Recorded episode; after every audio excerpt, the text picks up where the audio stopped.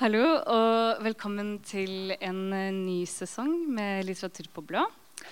Og til eh, lanseringen av et nytt nummer av tidsskriftet Kritiker. Som ser sånn ut. Og vi er veldig glade for at dere er her med oss for å feire dette nummeret. Som eh, Benjamin og jeg har vært gjesteredaktører for. Og da skal jeg først gi ordet til Ylva Gripfeldt, som er redaksjonsansvarlig fra Kritiker, som skal fortelle litt, oss litt om hva Kritiker er. Vær så god, Ylva.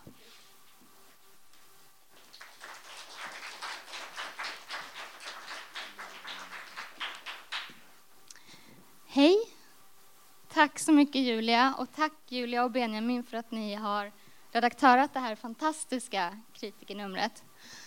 Vi är så glada. Jag känner att jag står lite så här på tå. Du är lite längre än mig. Ja, men det, det går bra. så. Eh, ja, kritiker är alltså en nordisk litteraturtidskrift.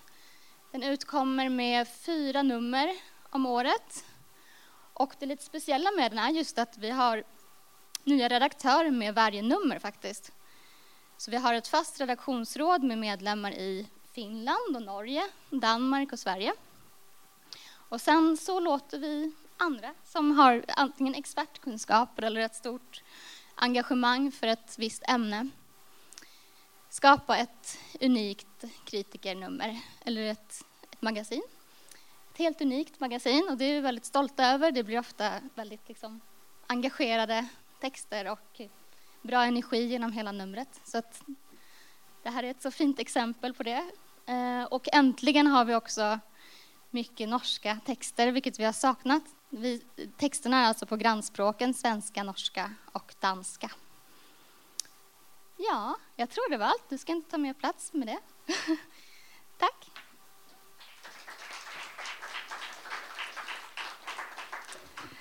Tusen takk. Ja, vi skal fortelle litt om nummeret før uh, vi går i gang med opplesning, som egentlig er det som er på programmet i dag.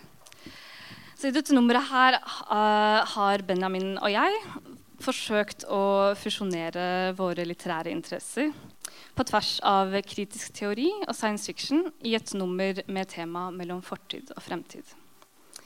Og i Mellom fortid og fremtid eh, forsøker tekstene å trekke, slite, tøye i noe de er skrevet i, og forhåpentligvis forstyrre vår vante tenkning og forståelse av fortid og fremtid. Skal jeg si noen ord om jeg skal si noen ord om hva slags type tekster vi har i, i nummeret her. Uh, vi har fire skjønnlitterære tekster. En nyskrevet novelle av Gunhild Øyhaug, som skal lese opp etterpå. Uh, har oversatt en novelle av Olga Tokarczuk, som nylig vant Nobelprisen. Og vi har dikt og kortprosa av to yngre uh, talentfulle skjønnlitterære forfattere, Ulla Svalheim og Alice Setane Gyberg. Vi har også essay og artikler om litteratur og film av Roskova Koresinski. En artikkel om språkfilosofi og folkloristikk av Ola Mire Bruland. Uh, et essay om VGC-ball av Even Teistung. Bodhisattva Chotodopai og Helge Jorheim har skrevet om kontrafaktiske fremtidsscenarioer. Og Ingvild Hellestrand har skrevet om posthumanisme og det menneskeliges grense. Vi har også en liten enkette eller en spesiell del om litteraturvitenskapens fremtid. I intervjuet med Karin Kukkon, Ylo Østby og en samtale jeg har gjort med Ragnhild Einton. Eh, og vi har en enkette med Kjersti Bale og Mikkel Bolt Rasmussen. Uh, I tillegg har vi et uh, en lengre utdrag fra et kommende bokprosjekt av Hans Petter Blad. Hvor han har intervjuet sin barndomsvenn Magne Håvard Brekke om sin tid ved Folksbyene teater i Berlin og DDR-tiden.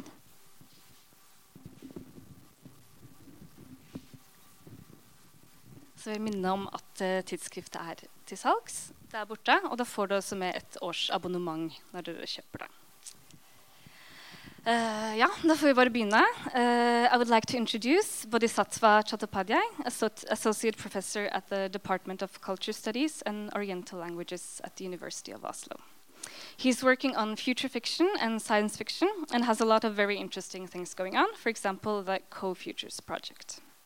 The Coming World, Multiple Times of Ever Presence, is the title of a text-based science fiction artwork that Bodhisattva and Helge Jorheim made for an exhibition at the Garage Museum of Contemporary Art in Moscow that I was lucky to see last summer and which we're very happy to be able to include in this issue of Kritiker.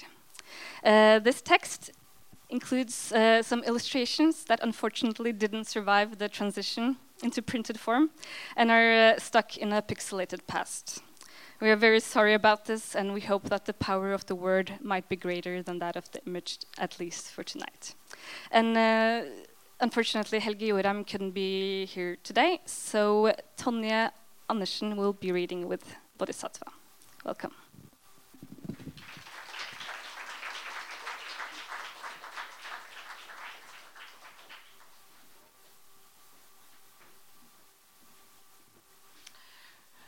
Thank you, Julia, for that uh, kind introduction. Thank you for this uh, lovely issue. Uh, it's really a pleasure to be able to read this because this is uh, something that is supposed to be read and not read aloud. Uh, but um, let's see how it goes. Uh, it's called Multiple Times of Ever Presence. it's it's a kind of a science fiction work, science fiction artwork. It is, of course, um, counterfactual history. Um, we were uh, the exhibition uh, where this was presented, The Coming World, so the idea was that we would write some scenarios about the future, how the future would unfold.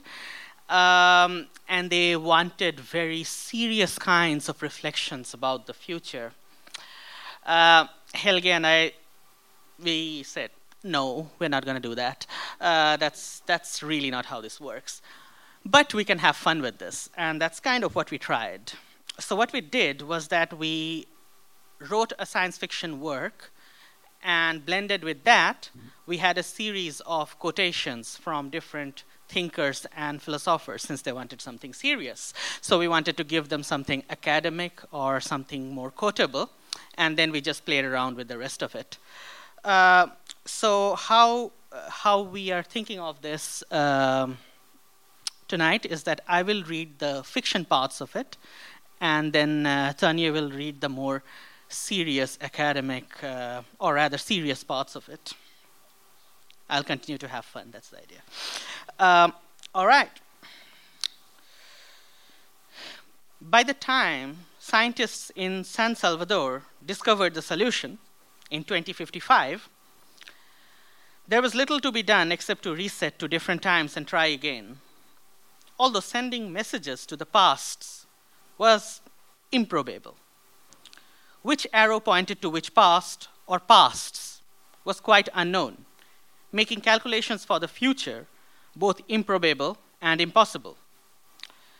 They could capsule the solution, leave it to find its own way as the future rolled on, and their own time became the fixed past for many possible futures. But of course, they already knew that this past, like every other past, would never quite reach their own future, just like their messages to the pasts never reached them in the future either. Space was tricky this way. No matter how fast or slow they went in time, or even when they first had their theoretical brush against the event horizon.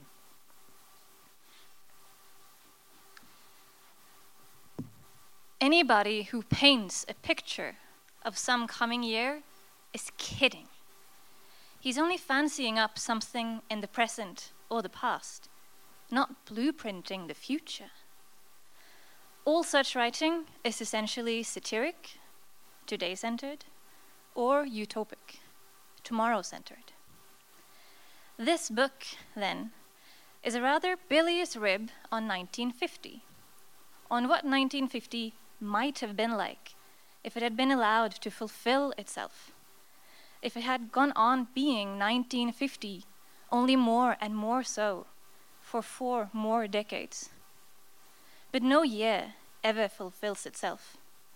The cow path of history is littered with the corpses of years, their silly throats slit from ear to ear by the improbable.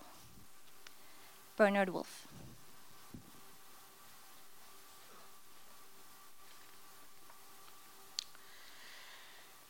The Majdoor movement, MM, swept across North and Central Africa and South Asia in the 2040s before it spread elsewhere in the 2050s. Economists had foreseen and spoken about the rise of machines and the end of labor in precise terms for at least two centuries before then, and many had predicted such an eventuality. While much of the rest of the world underwent massive depopulation in the first half of the 20th century, and had widely come to rely almost exclusively on labor immigration, also the 21st century slave labor, and technological solutionism, MM, Majdur movement, took its roots in those parts where labor had been so cheap as to make automation largely unnecessary. The efforts to increase automation in these parts had precipitated the MM crisis. And before long, Detractors called the protesters neo Luddites, those standing against the unquestionable march of progress and reason, but in reality, the object of the MM was less to rage against any machines, literal or figurative technological contraptions. The machine or the machinery that made life unsustainable was its target.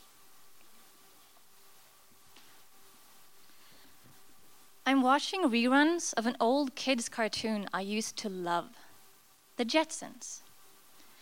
I grew up wanting to take a flying car to school because of this show. It's the 21st century, and there are no flying cars. What the hell is up with that? It's so disappointing. But I watch the show now as an adult, and I notice something. There's nobody even slightly brown in the Jetsons world. Even the family android sounds white. This is supposed to be the real world's future, right? Albeit in silly, humorous form. The thing is, not white people make up most of the world's population, now, as well as back in the 60s, when the show was created. So, what happened to all of those people in the minds of this show's creators? Are they somewhere down beneath the clouds where the Jetsons never go? Was there an apocalypse? Or maybe a program? Was there a memo? I'm watching the Jetsons and it's creeping me right the fuck out.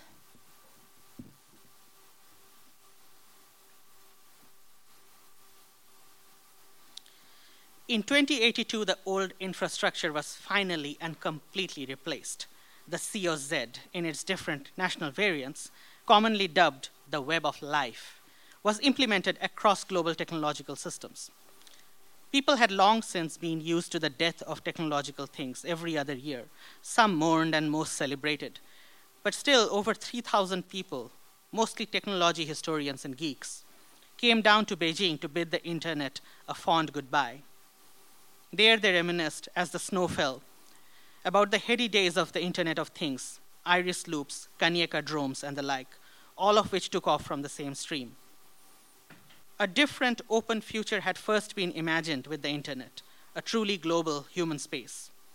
It had taken a hundred years to get to the web of life, something that was truly different in all the essential senses from the Internet and its applications. But they needed to save this space of nostalgia for another future, for this one last time.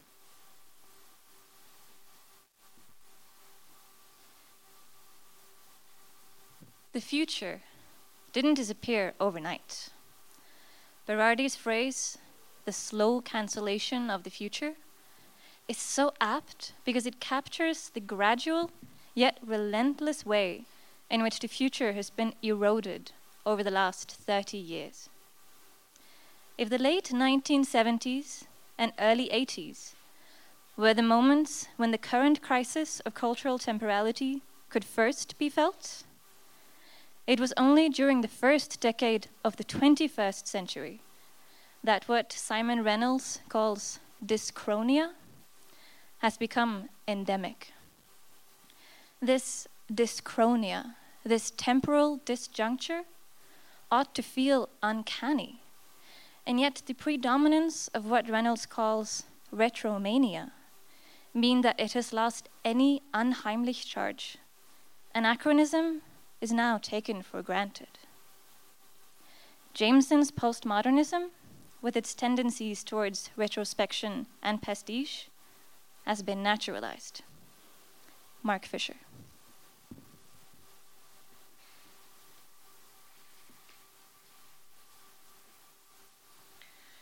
The surveyors completed their interior mapping in the 2040s, but it took over half a century more for the first habitats to be built on the arid, toxic surface.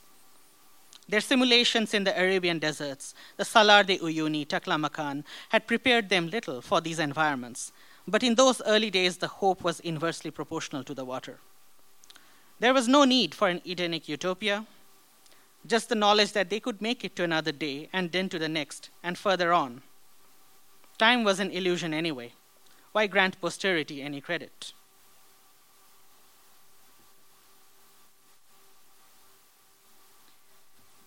Lines and colors made with earth on earth may hold knowledge in them. All knowledge is local, all truth is partial. Habziva said, with an easy, colloquial dignity that he knew was an imitation of his mother, the heir of the sun, talking to foreign merchants. No truth can make another truth untrue. All knowledge is a part of the whole knowledge. A true line, a true color. Once you have seen the larger picture, you cannot go back to seeing the part as the whole. Ursula Le Guin.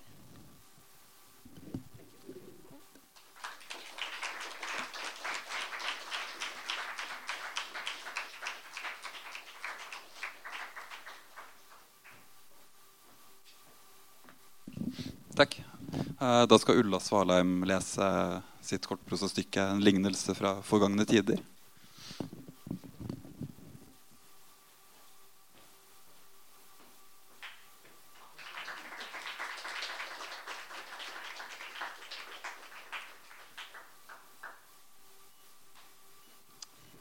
Hei.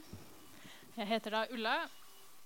Skal lese Jeg har kalt en lignelse. Og den heter eh, Hvis jeg skal bare finne sidetallet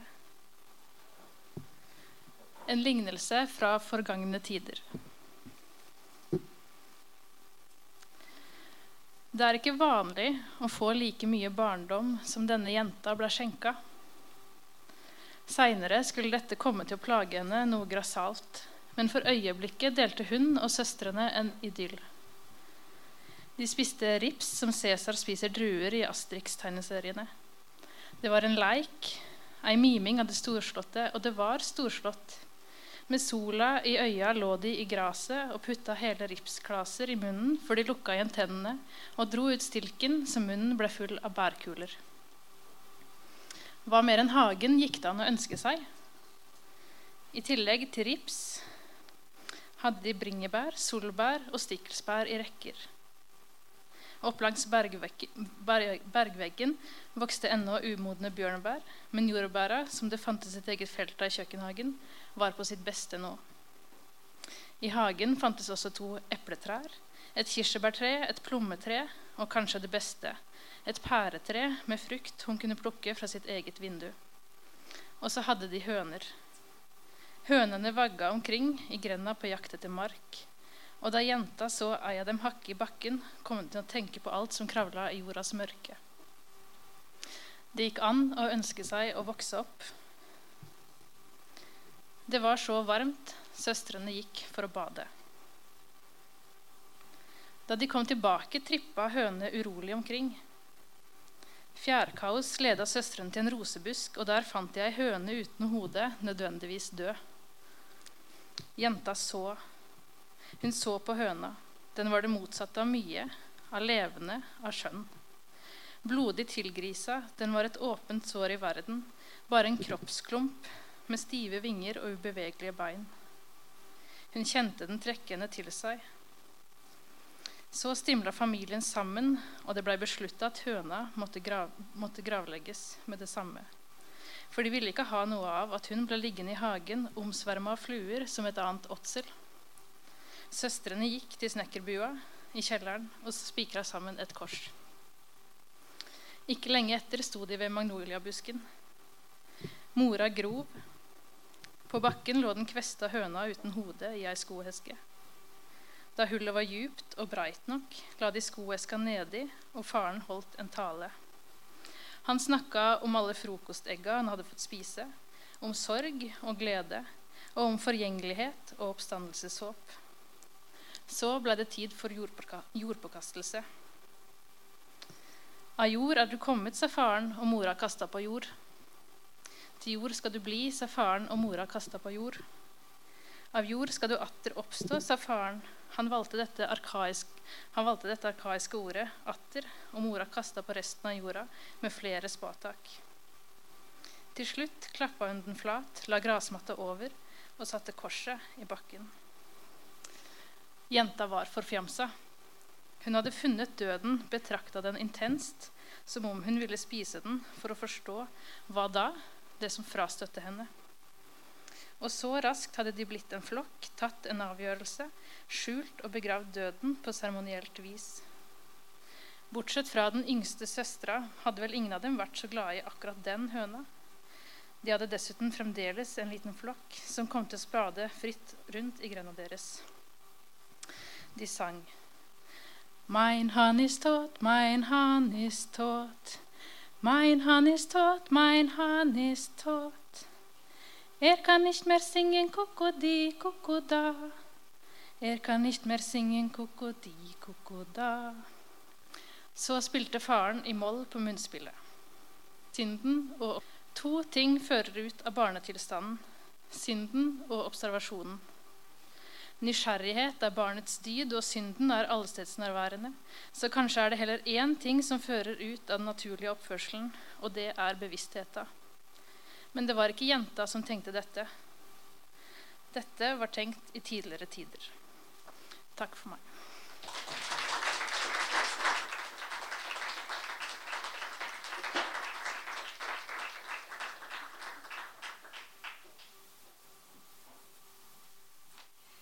Tusen takk. Eh, vi skulle egentlig fått besøk av Hans Petter Blad, som skulle lese opp utdrag fra sin samtale med Magne Håvard Brekke. Han kunne dessverre ikke komme, så da skal Benjamin Jastan være hans stedsfortreder. Vær så god.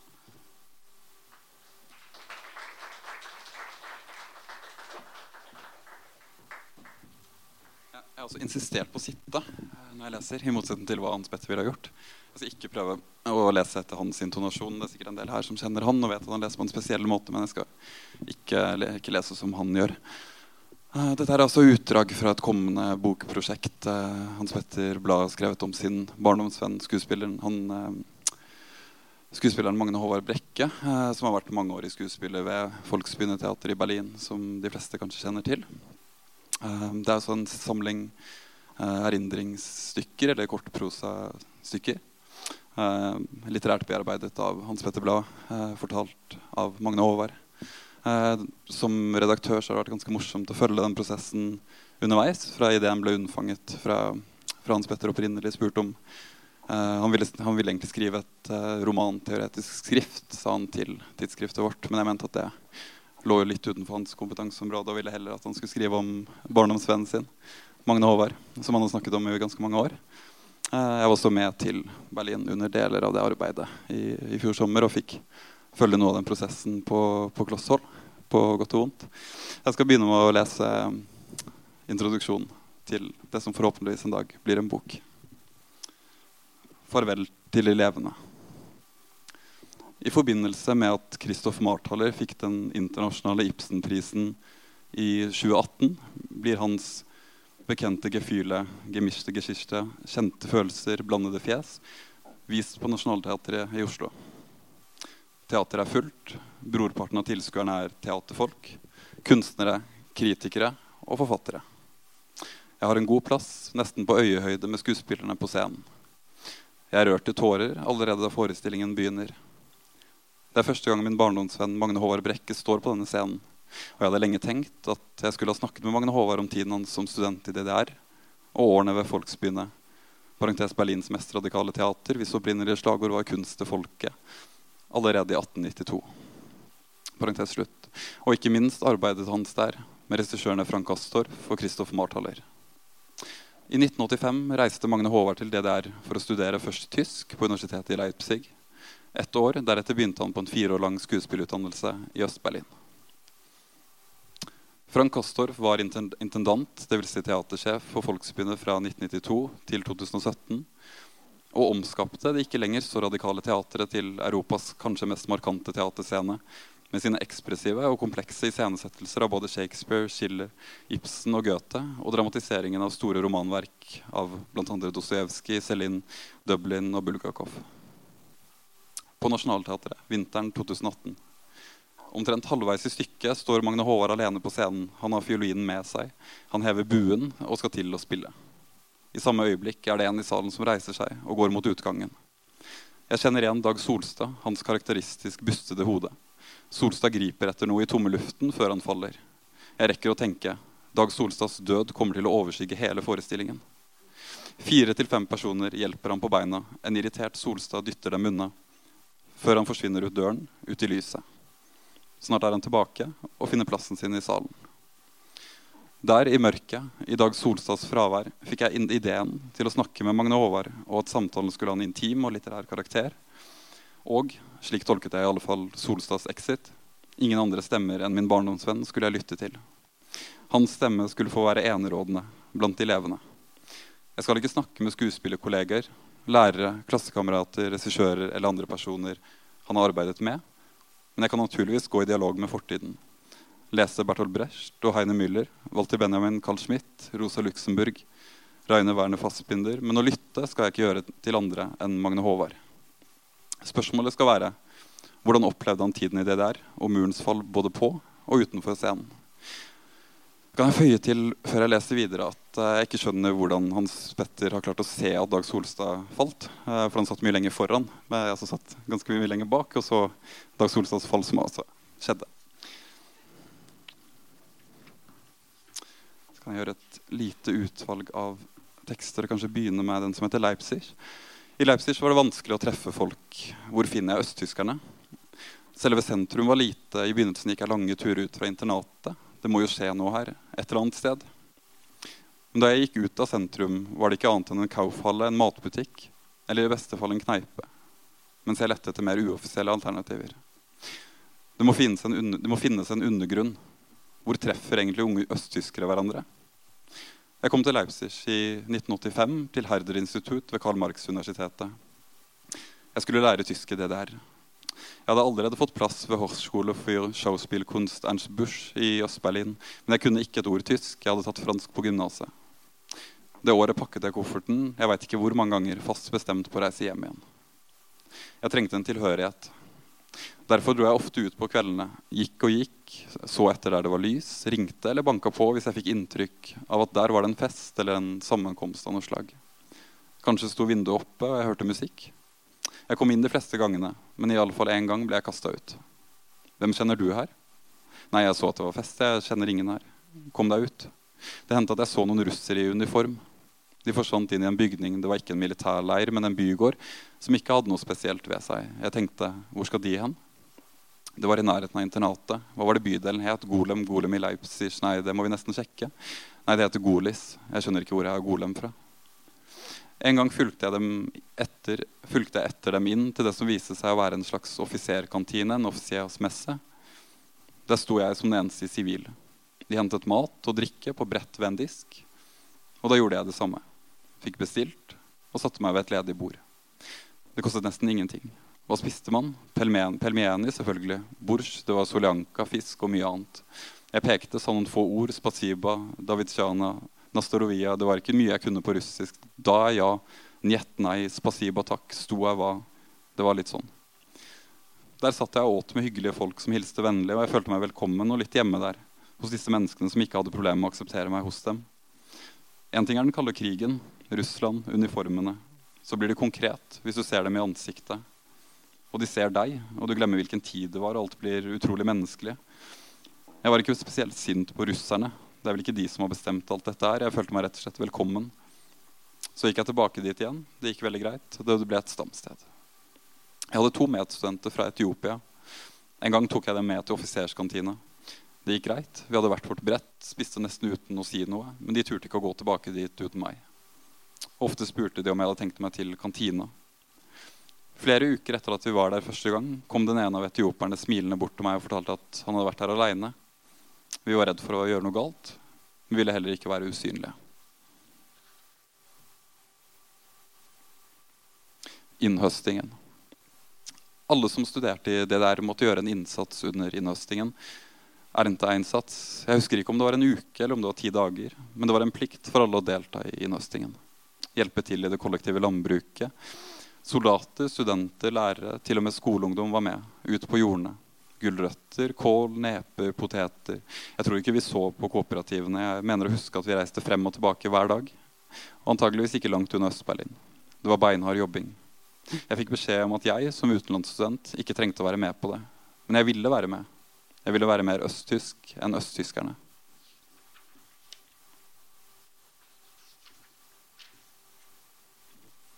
Sosialismens fall. Regissøren og skuespilleren Sigfrid Hørst stengte seg inne i leiligheten. Han hadde bestemt seg for å drikke seg i hjel. Han ville ikke ha noe med kapitalismens inntog å gjøre. Tenk deg om det hadde vært motsatt. Kapitalismens fall. Hvordan det hadde vært i de vestlige landene som da, også, som da, hadde fått sosialismen eller stalinismen servert på strak arm. Da ville nok også et par karer ha stengt seg inne. Sigfrid Hørs, vi arbeidet bare én gang sammen. Han regisserte 'Mesteren og Margarita'. Jeg spilte Ivan Bestumny, eleven til mesteren. Vi snakket om Sigfrid i kantina. Hva gjør vi? Noen ringte og ville prate med ham, men han tok aldri telefonen. Andre sa la ham, la ham i fred. Det hele tok vel noen uker. Vi spilte fortsatt 'Mesteren og Margarita', og Sigfrid sto midt i prøvene på en farsa Fedot. Dette var vel vinteren 1991, året etter gjenforeningen. Sigfrid hadde to sønner. Den ene sønnen var skuespiller. Den andre tekniker på Folksbyene. De besøkte ham jevnlig og kunne fortelle at leiligheten var fylt opp med flasker. Det var alkohol overalt. Etter en stund slapp han dem ikke inn mer. De fortsatte å dra dit likevel en slags kommunikasjon. De dyttet posten inn under døra. Det var en liten glipe der. De stakk den halvveis inn. Neste gang var, porten, var posten borte. Men en dag lå den fortsatt urørt i glipen under døra. De hadde en aksept for beslutningen hans. Vi andre på teater hadde også respekt for avgjørelsen. Det var ikke en syk mann som bestemte seg for å ta livet sitt. Og han var sikkert ikke den eneste som gikk i slike tanker. Dette vil jeg ikke være med på. Det tok en stund før sønnene tenkte at nå virker det veldig stille der inne. Hva gjør vi nå? Det var den respekten de hadde for ham. Men en dag så skjønte de at nå, nå er det ikke sjans for at ja, hvordan skal man si det? Den eldste sønnen ringte brannvesenet. Inne i leiligheten lå Sigfrid på et teppe. De fikk ham ikke løs, så han ble rullet inn i teppet og båret ned trappen. Sigfrid Hørs ble 52 år gammel. Han døde antageligvis den 13. desember 1991. Eksakt dødsdato ukjent.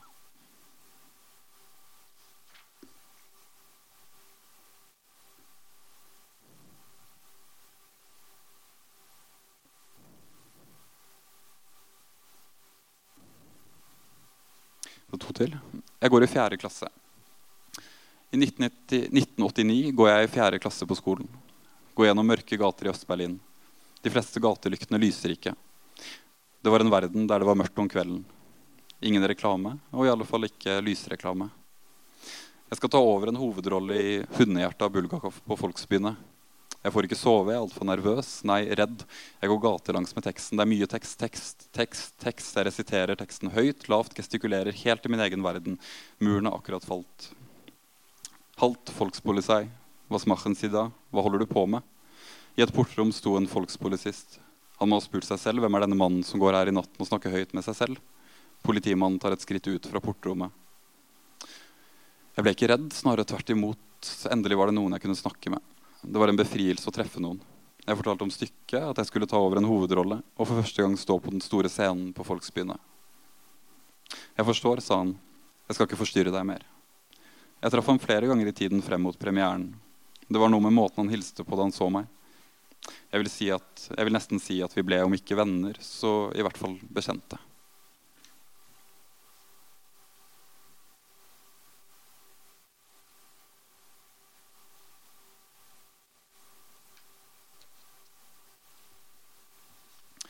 Lånekassen. Noen måneder etter at jeg hadde vært på den østtyske ambassaden på initiativ fra min teaterlærer Gunnar Skar, ringte telefonen. Herr Brekke, jeg kan herved meddele dem at de har fått innvilget to års studium ved Hochschule für Schauspielkunst Ernstbuch, Berlin. Jeg husker jeg svarte to, er det ikke fire år? Ja, men de har fått to år. Da tenkte jeg at to år kanskje kunne være like greit. Det holder kanskje i massevis, og sa ja takk til det. For innerst inne hadde jeg hatt et lite håp om at jeg ikke hadde fått plass ved skolen. For jeg ante ikke hva jeg gikk til. Jeg dro på Lånekassa. Det lå på Tøyen eller Økeren. Jeg tror det var på Tøyen. Der møtte jeg ganske tilfeldig og høyst uvanlig, vil jeg tro. En svært vennlig innstilt, godt voksen mann bak skranken. Han ble fascinert og oppildnet da han hørte at jeg hadde muligheten til å studere i DDR. Han fant frem en liste. Her har du en liste over skoler som kvalifiserer til lånestipend. Tror du den statlige Hochschule for Schauspielkunst Ernst Buch i Øst-Berlin står på denne lista her? Nei.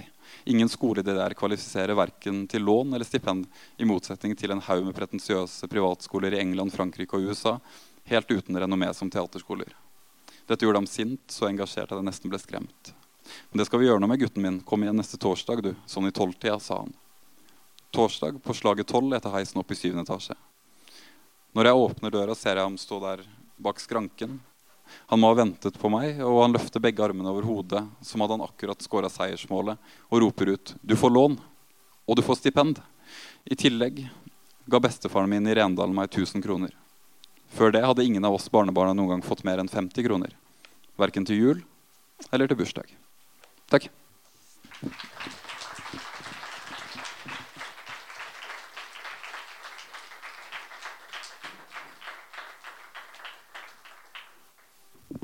Skal jeg introdusere neste jule, og det var da Alice. Da skal Alice Susanne Gyberg lese noen nyskrevne, upubliserte dikt.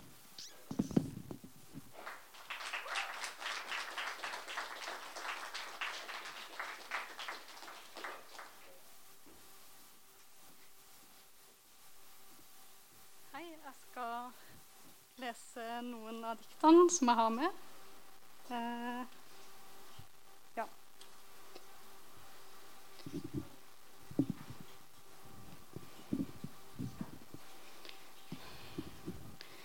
De heter 'Vinterreise'.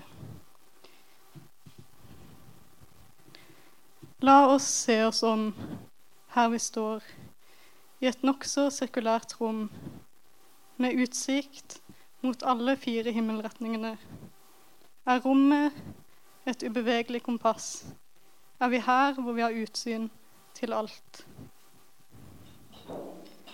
Snøen som ligger på toppen av de høye fjellene og overalt. Høye, spisse fjellene, kantete, og med fjellvegger som raser opp fra den vinterdekte bakken. Snøen i fjellene og fjellene selv. Og dere går gjennom dette landskapet, det europeiske fjellandskapet, og denne sjøen som ligner et hav.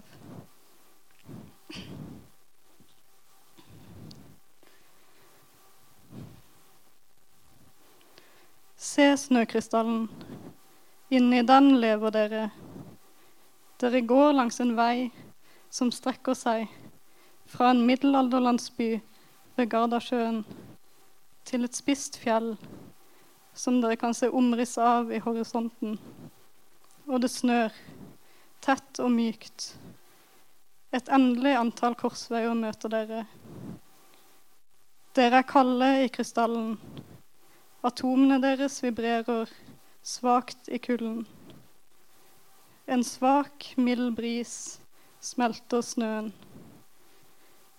Dere sliter ut mange par sko på veien som strekker seg fra Gardasjøen til et spisst fjell dere kan se konturen av i horisonten. Selv om dere er kalde, fryser dere ikke.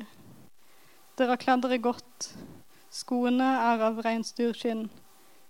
Dere sliter dem ut.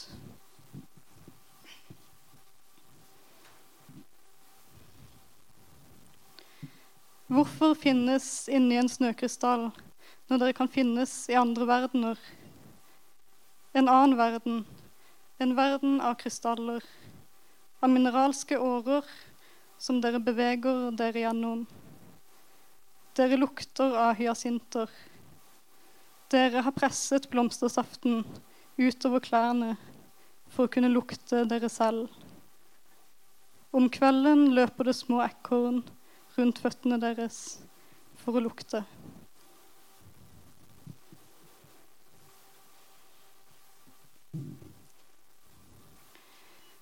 Naturen spiller dere et puss, for der dere trodde dere så havet, var det bare en innsjø som har frosset til en speilblank flate av is.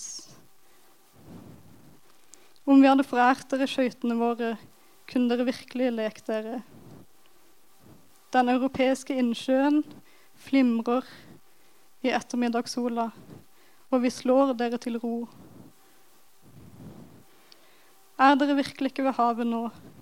Isen er jo så salt, som et smykke fra en saltgruve. Dere snur og vender på isklumpen i munnen. Vi lar materialitetene bestemme heller enn geografien. I alle fall ikke et sumplandskap.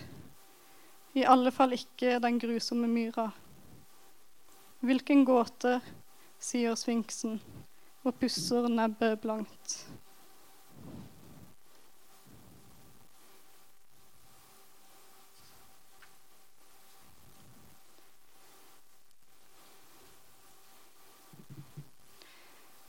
Vi forteller dere eventyret om kuhøllen, hunden med krigerens blikk. Vi sier han voktet på kroppen sin, som en kriger vokter på sitt sverd. Da han vrengte ansiktet utover, kunne man se innvollene presse seg oppover halsen. Og da han åpnet munnen, spratt lungene ut. Det store hundeøyet vokste. Slik ble han ofte overmannet av raseri. Han gikk berserk og slaktet sine fiender. Så blodig var hans raseri at til og med hans venner ble redde for ham.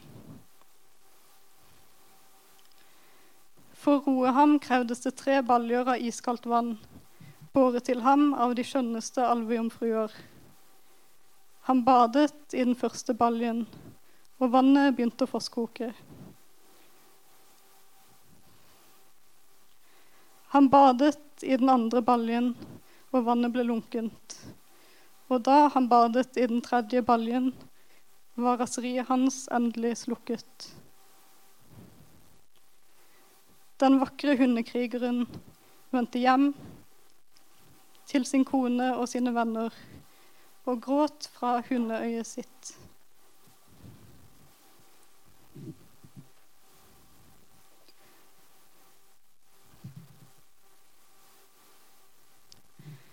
Forbigått av farten selv, aske og mosegrodde krystaller.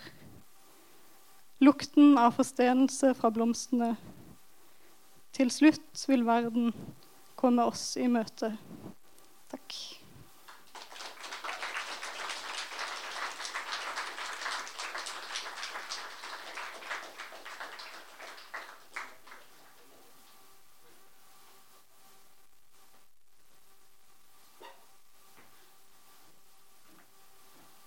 Tusen takk.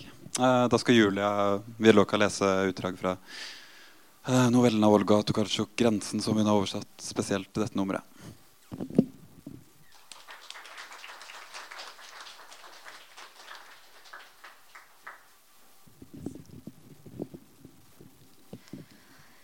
Olga Tokarczuk kunne ikke komme i dag, dessverre.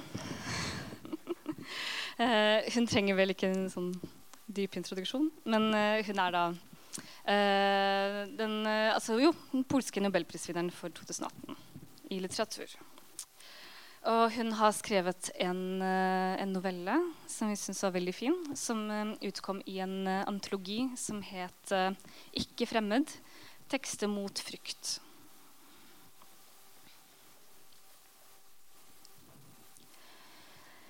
Jeg har viet formiddagstimene til skriving når søylen av sollys faller inn i rommet, treffer kanten av bordet og brytes utover steingulvet som en lysende flekk.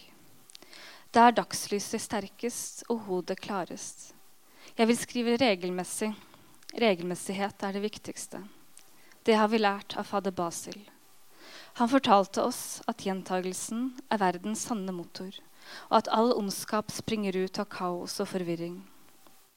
Men hodet mitt er ikke vant til tenkning, og fingrene er ikke vant til skriving. Derfor har jeg bestemt meg for å fatte meg i korthet. Tankene mine kommer når de selv vil, og jeg råder ikke over dem på noe vis. Detaljer dukker opp i hukommelsen min uten forvarsler og former fullstendige setninger i det minst passende øyeblikk. Når hendene mine er opptatt med å farge stoffer, og jeg ikke kan strekke meg etter skriveredskapet. Eller når det er min tur til å leke med barna, som jeg liker, og gjerne skulle ha viet all min tid til. Da jeg bestemte meg for å skrive etter fader Basils død, den gang alt så ut til å gå under, mistet jeg den gamle roen for alltid. Søvnen var ikke lenger en garantist for hvile.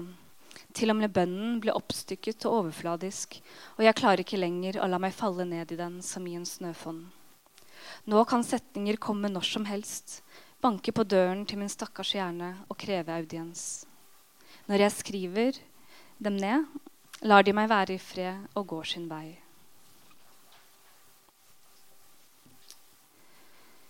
Som alle de andre havnet jeg her takket være fader Basil, men nøyaktig hvordan det gikk til, vet jeg ikke. Jeg var bare noen få år gammel og husker så vidt som gjennom en tåke en eldre kvinne som tok seg av meg. Fader Basil sa at det var bestemoren min som døde. Han fortalte oss ofte om hvordan forfall og kaos oppsto etter formørkelsen. Tidligere hadde menneskene visstnok en evne til å forflytte seg ved hjelp av lyset, og til og med snakke med hverandre over store avstander. En gang tok han oss ned i kjelleren og viste oss en innretning med en liten, rund glasskule som lyste hvis man sveiset rundt på en vinsj. Men maskinen gikk i stykker, og kulen sprakk. Disse gjenstandene ble ødelagt av krig og kaos eller stjålet av de ville, og alt gikk tapt. Noen ganger satte fader Basil seg ned med oss og tegnet forskjellige gjenstander som, som visstnok en gang hadde tilhørt menneskene. Enkelte av dem var så merkelige at jeg trodde, må han tilgi meg, at han diktet dem opp. Men senere ga fader Basil opp disse huskeøvelsene i hvordan den gamle verden så ut. Han gjentok daglig at vi som lever på grensen, ham så vår høyeste oppgave å beskytte sivilisasjonen mot barbarene, og at i stedet for å lengte til fortiden burde vi heller vie oppmerksomheten til det som finnes nå. Og det som finnes, er grensen elven Prut, som skiller den siviliserte verden fra kaoset, resten av garnisonen som en sjelden gang senker en enslig pram som forsøker å krysse elven. Men fremfor alt finnes vår hellige jomfru med barnet, verdens dronning, den gode sjel, og det er henne vi stiller til skue for kaoset hvert år. Og slik skal det fortsette i mange år, helt til de siviliserte landene forenes under jomfruens fane, og verden blir som den var før repartisjonen.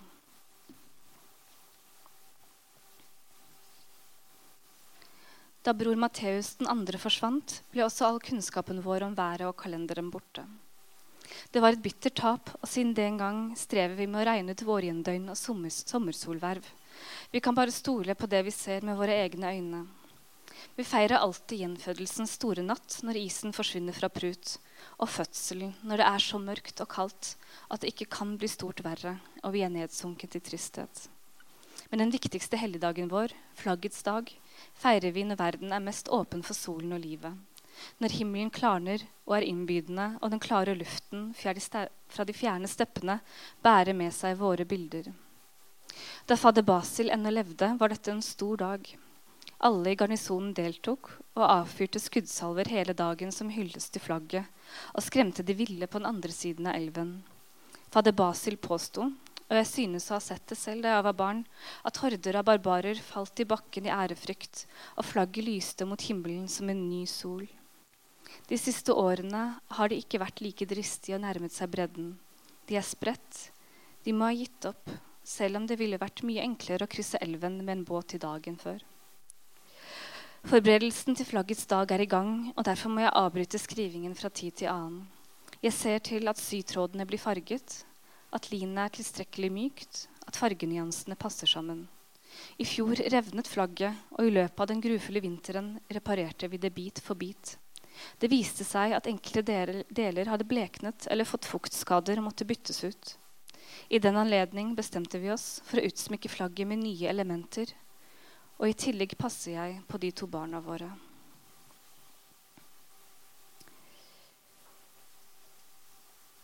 Barna våre heter Peter og Paulus, og Paulus er en jente.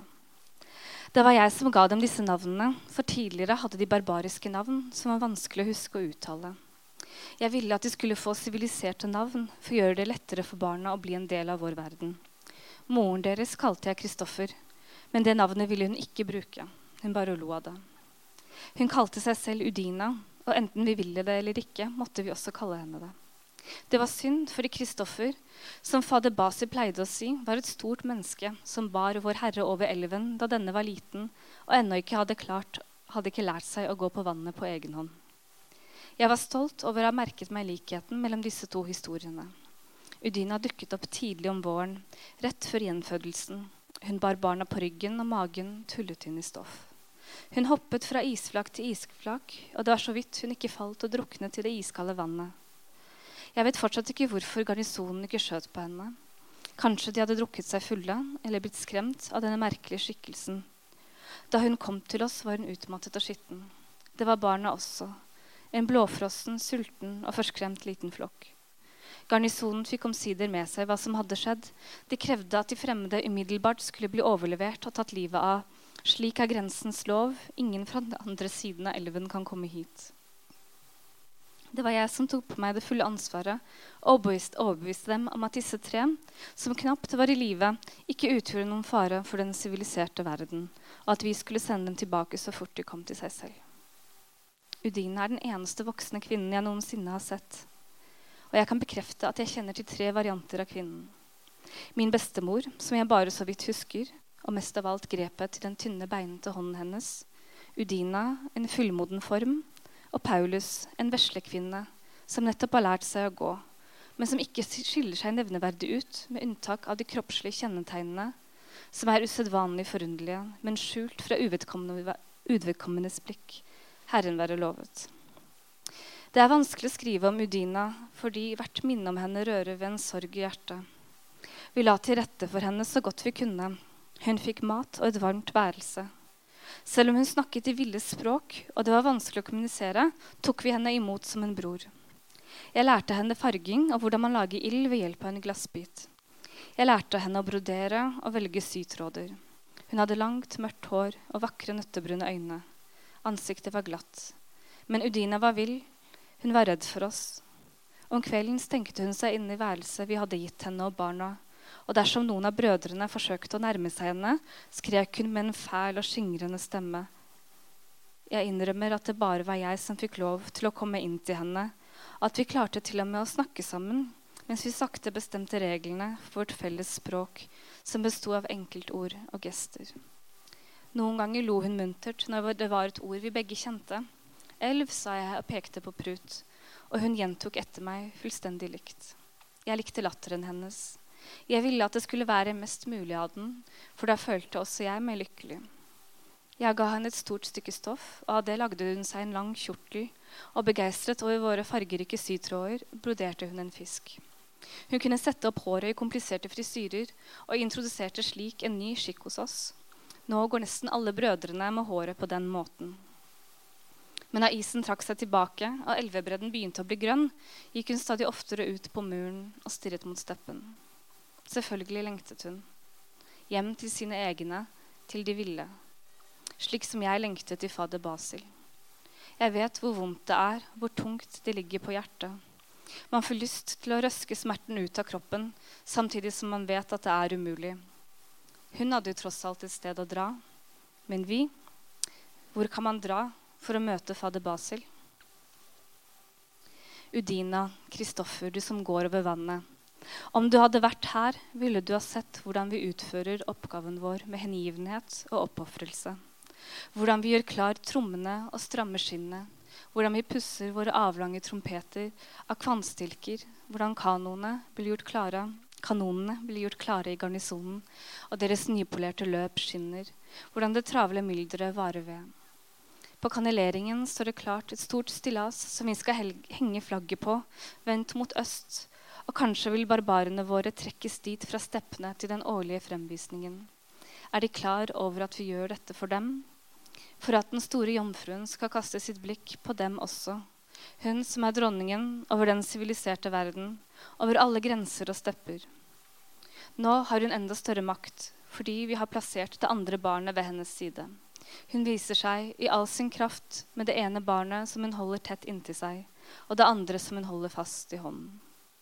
Og mitt beskjedne ønske er at Udina kanskje ser dette et sted i det fjerne, og ikke vil klare å motstå tanken på å snu om på sin vei og vende tilbake til oss.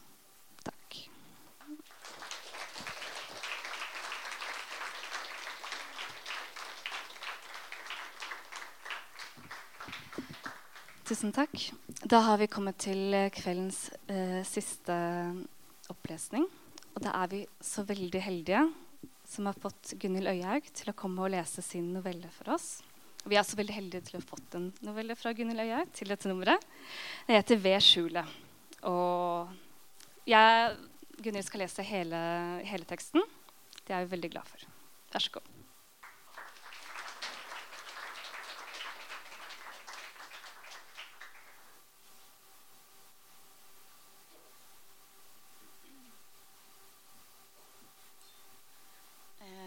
Takk, Julia.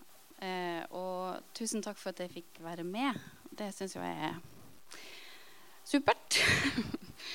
eh, ja. Jeg er litt ny på det her med briller, men jeg tror jeg faktisk jeg skal fleske til. Så hvis jeg leser en helt annen tekst enn det som står her, så er det pga. brillene.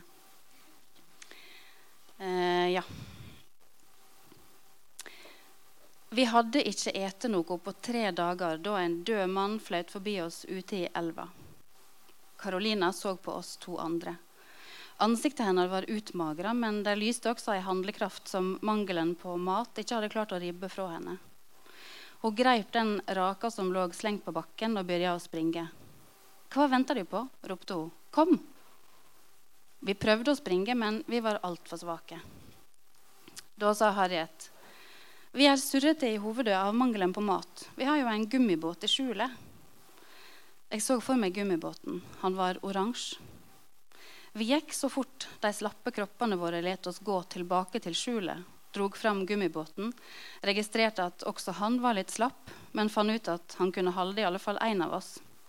Det må bli deg, sa jeg. Jeg kan ikke svømme. Ok, sa Harriet.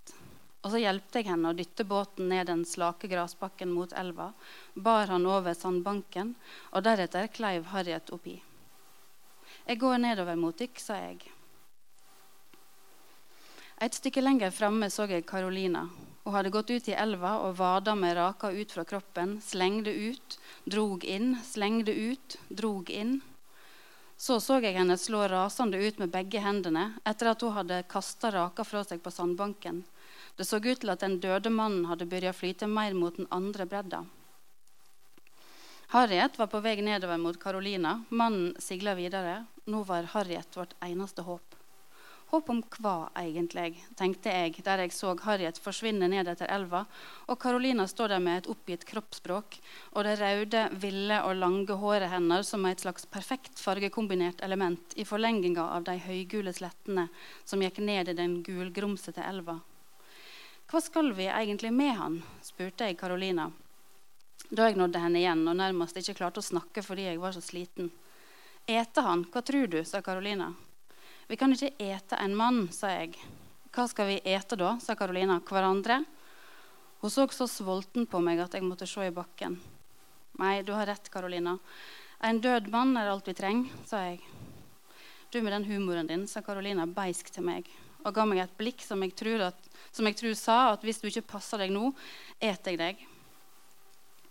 Vi så etter Harriet. Hun sigla ned etter det, det gulgrumsete elvevatnet under den steikende sola, mellom graslettene som strekte seg ut framfor oss, knusktørre. Harriet.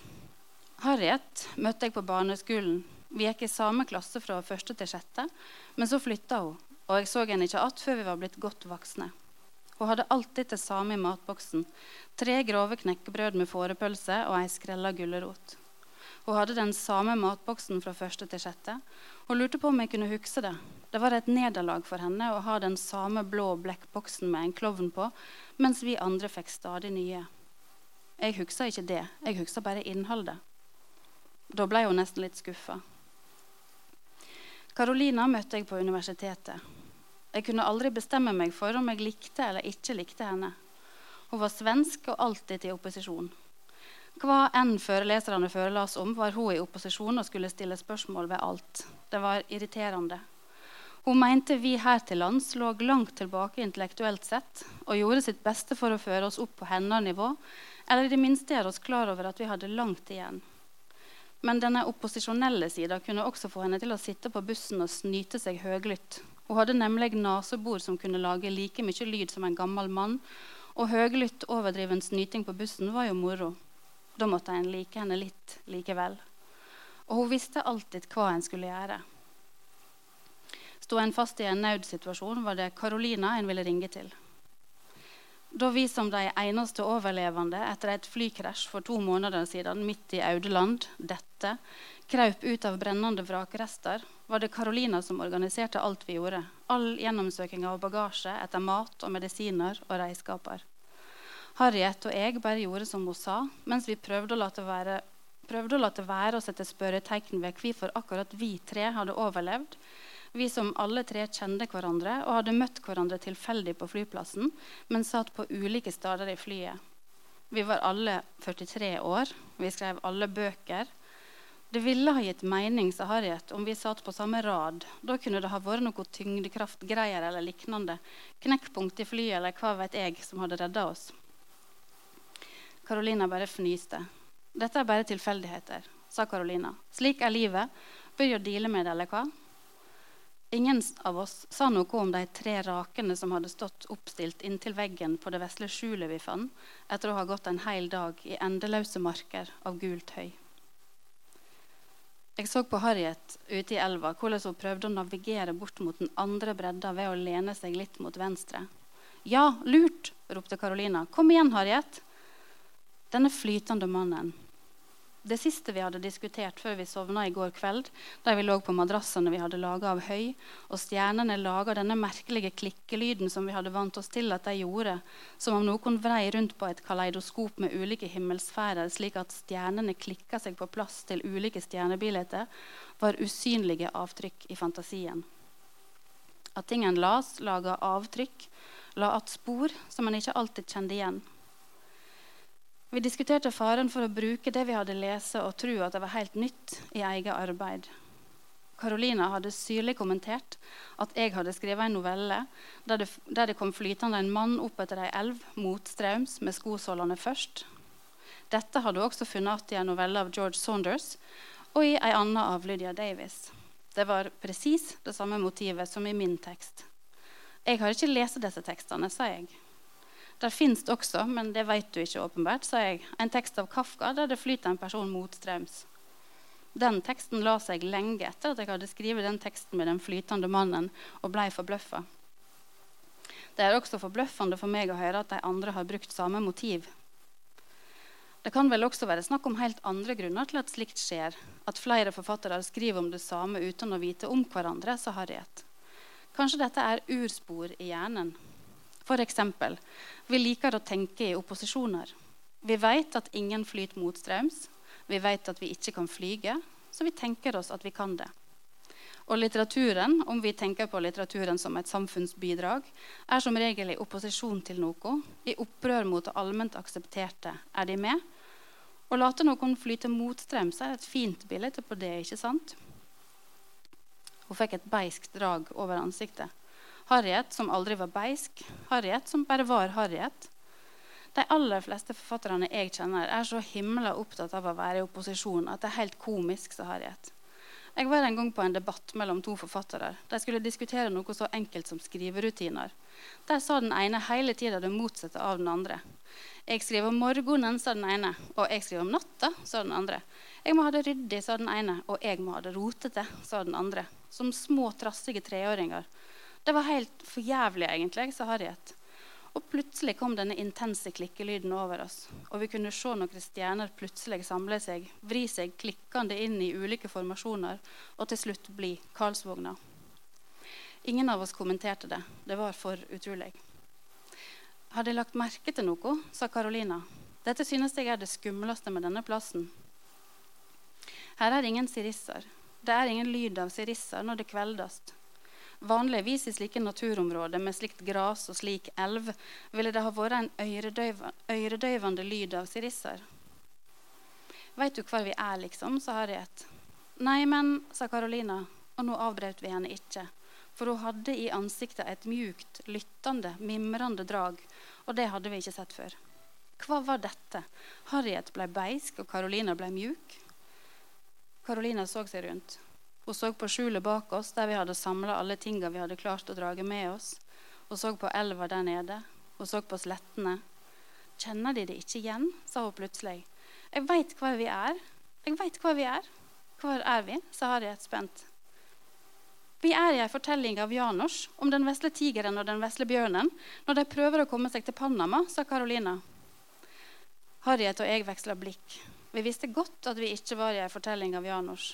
Og nå var spørsmålet hvordan vi skulle roe ned Carolina og få henne tilbake til den virkelige verden. Jau, sa Carolina og reiste seg, og enten var det natta, eller så var det svolten, eller så var det deliriet som skein i øynene hennes. Dette er huset de bor i, hun pekte mot skjulet. De driver og raker og steller, hun pekte mot raken som vi hadde stilt opp mot veggen for kvelden. Og der er elva som bukter seg nedover i graslandskapet.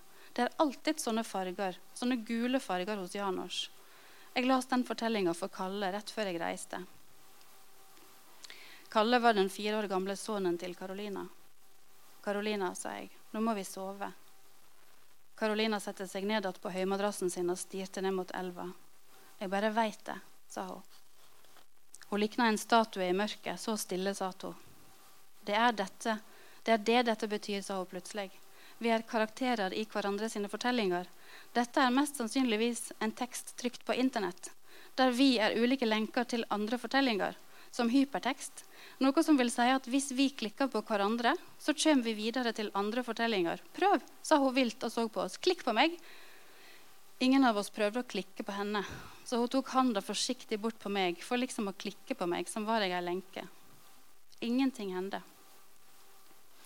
Karolina la seg uten et ord ned på madrassen sin. Etter ei lita stund sovna hun med et langt sukk, som om livsanden forlet henne der på madrassen. Harriet og jeg lå vakne. Carolina lå ytst, Harriet i midten og jeg bortenfor Harriet. Vi hørte ei svak rumling. Harriet snudde mot meg så det knitra i høyet. Det er bare magen til Carolina, sa jeg. Min rumler sånn hele tida. Hvorfor har dette skjedd, sa Harriet. Tanken på Janos og Kalle hadde gjort oss triste. Jeg veit, sa jeg. Jeg tenker på hvor små bekymringer jeg hadde før. Jeg har f.eks. vært irritert i ti år på at ingen av kritikerne som las den førre essaysamlinga mi, kommenterte epigrafen. Jeg prøvde å le, men det kom ingenting. Hva sto det i den, da, sa Harriet, og skunda seg og sier beklager, jeg har ikke lest den. Det går fint, sa jeg. Jeg har ikke lest dine bøker heller. Harriet smilte et lite trøtt smil før hun sovna. Jeg ble liggende igjen og dikte opp en dialog mellom meg og Harriet. Men hva sto det, sa Harriet i den oppdikta dialogen. Det sto Kommer noen imot meg på veien, sitter jeg med ansiktet vendt mot noen. SU, sa jeg. Hva betyr SU nå igjen, sa Harriet. Det betyr svar utbedes. Som i en invitasjon. Så forklarte jeg alt for Harriet hvordan jeg hadde tenkt at dersom dette sitatet fra Inger Christensen sto først i essaysamlinga, ville leseren forstå at essayene var skrevet av noen som leita etter svar fra noen som satt på den andre sida av bordet, slik det er i alle hverdagssituasjoner der en sitter overfor noen ved et bord. At jeg skrev i uvisse og håp om at det var noen på den andre sida. At min tekst var en invitasjon på en måte. At jeg håpte at jeg fikk svar. At det skulle komme noen men at det fantes en sjanse for at det ikke var noe svar, og at jeg satt ved bordet alene. Men ingen la merke til det. Hvor ironisk er ikke det, tenkte jeg at jeg sa, og hørte stjerneklikkinga igjen. Og over meg kunne jeg se stjernene klikke seg sammen og bli til Orions belte. Jaså, tenkte jeg. De klikka ved at jeg tenkte ordet ironisk. I stad klikka de da Harriet sa 'for jævlig'. Jeg sa 'fuck' høyt. Men ingenting skjedde. Jeg sa 'skjebnens ironi'. Men alt var stille. Jeg sa helvete, men ikke det minste klikk. Nå bare strekte himmelen seg kålsvart og stjerneblinkende over oss. og de andre to sov. Og jeg tenkte på dette, at en vil at noen skal komme, at en vil at det skal være en sammenheng, at en kan føle at litt kviskring i sivet er en tale fra ett naturfenomen til et annet, nemlig deg. At alt dette høyet prøvde å si noe, at stjernene prøvde å si noe, at vi ikke var alene. Det er jo derfor det dukker opp plutselige mennesker som flyter motstrøms i elver, tenkte jeg. Det er det det handler om. Ikke bare opposisjon, men faktisk respons. Og så sovna jeg. Der framme kunne vi se Harriet vinke og vinke på oss med den ene handa. Den andre handa holdt hun ned i vannet. Hva faen, sa Karolina. Hun har fått tak i han. Hun har faktisk klart det. Å, tror du det? sa jeg motvillig, for jeg ville jo innst inne ikke ete en død mann. Jeg hadde absolutt ingen intensjoner om å ete dette mennesket. Om jeg i all framtid heller måtte ete høy, åt jeg heller høy. Harriet vinka og vinka. De nærmere vi kom, de bedre kunne vi se at hun var overvelda av noe annet enn at hun hadde fått tak i mat. Hun var overvelda over hvem det var hun holdt i handa, hvem som hadde dødd og kommet flytende nedover elva som vi måtte ut og jakte. Jeg fikk en sterk kjensle av at det var klovnen på matboksen hennes. Men mens Karolina gikk fortere og fortere, sakka jeg akterut. Jeg ville ikke vite. Jeg ville ikke vite noe mer om noe av dette. Jeg ville ikke at framtida skulle åpenbære seg. Jeg ville stanse her, gå tilbake, sette meg ned ved skjulet, rake litt mer i kring skjulet, begynne å se etter mer materiale til å bygge et tak med, drive med akkurat det vi hadde holdt på med før dette mennesket kom og ødela alt sammen. Takk.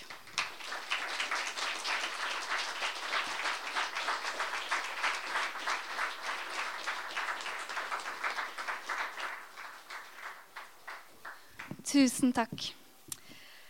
Eh, på vegne av eh, meg og Benjamin og Blå vil jeg si tusen takk til alle som har lest opp, til dere som kom, og takk til kritiker for tilliten. Også en stor takk til alle våre fantastiske bidragsytere. Kjersti Bale, Hans Petter Blad, Ola Mille Bruland, Bodhisattva Chattopadhyay, Tonje Andersen, Alice Setane Iberg, Ingvild Hellstrand, Helge Jorheim, Roskva Koritsinski, Karin Kukonen, Mikkel Bolt Rasmussen, Ranrin Reinton, Ulla Svalheim, Even Teistung, Olga Tokarczuk, Ylva Østby, Gunhild Øyhaug. Tusen takk.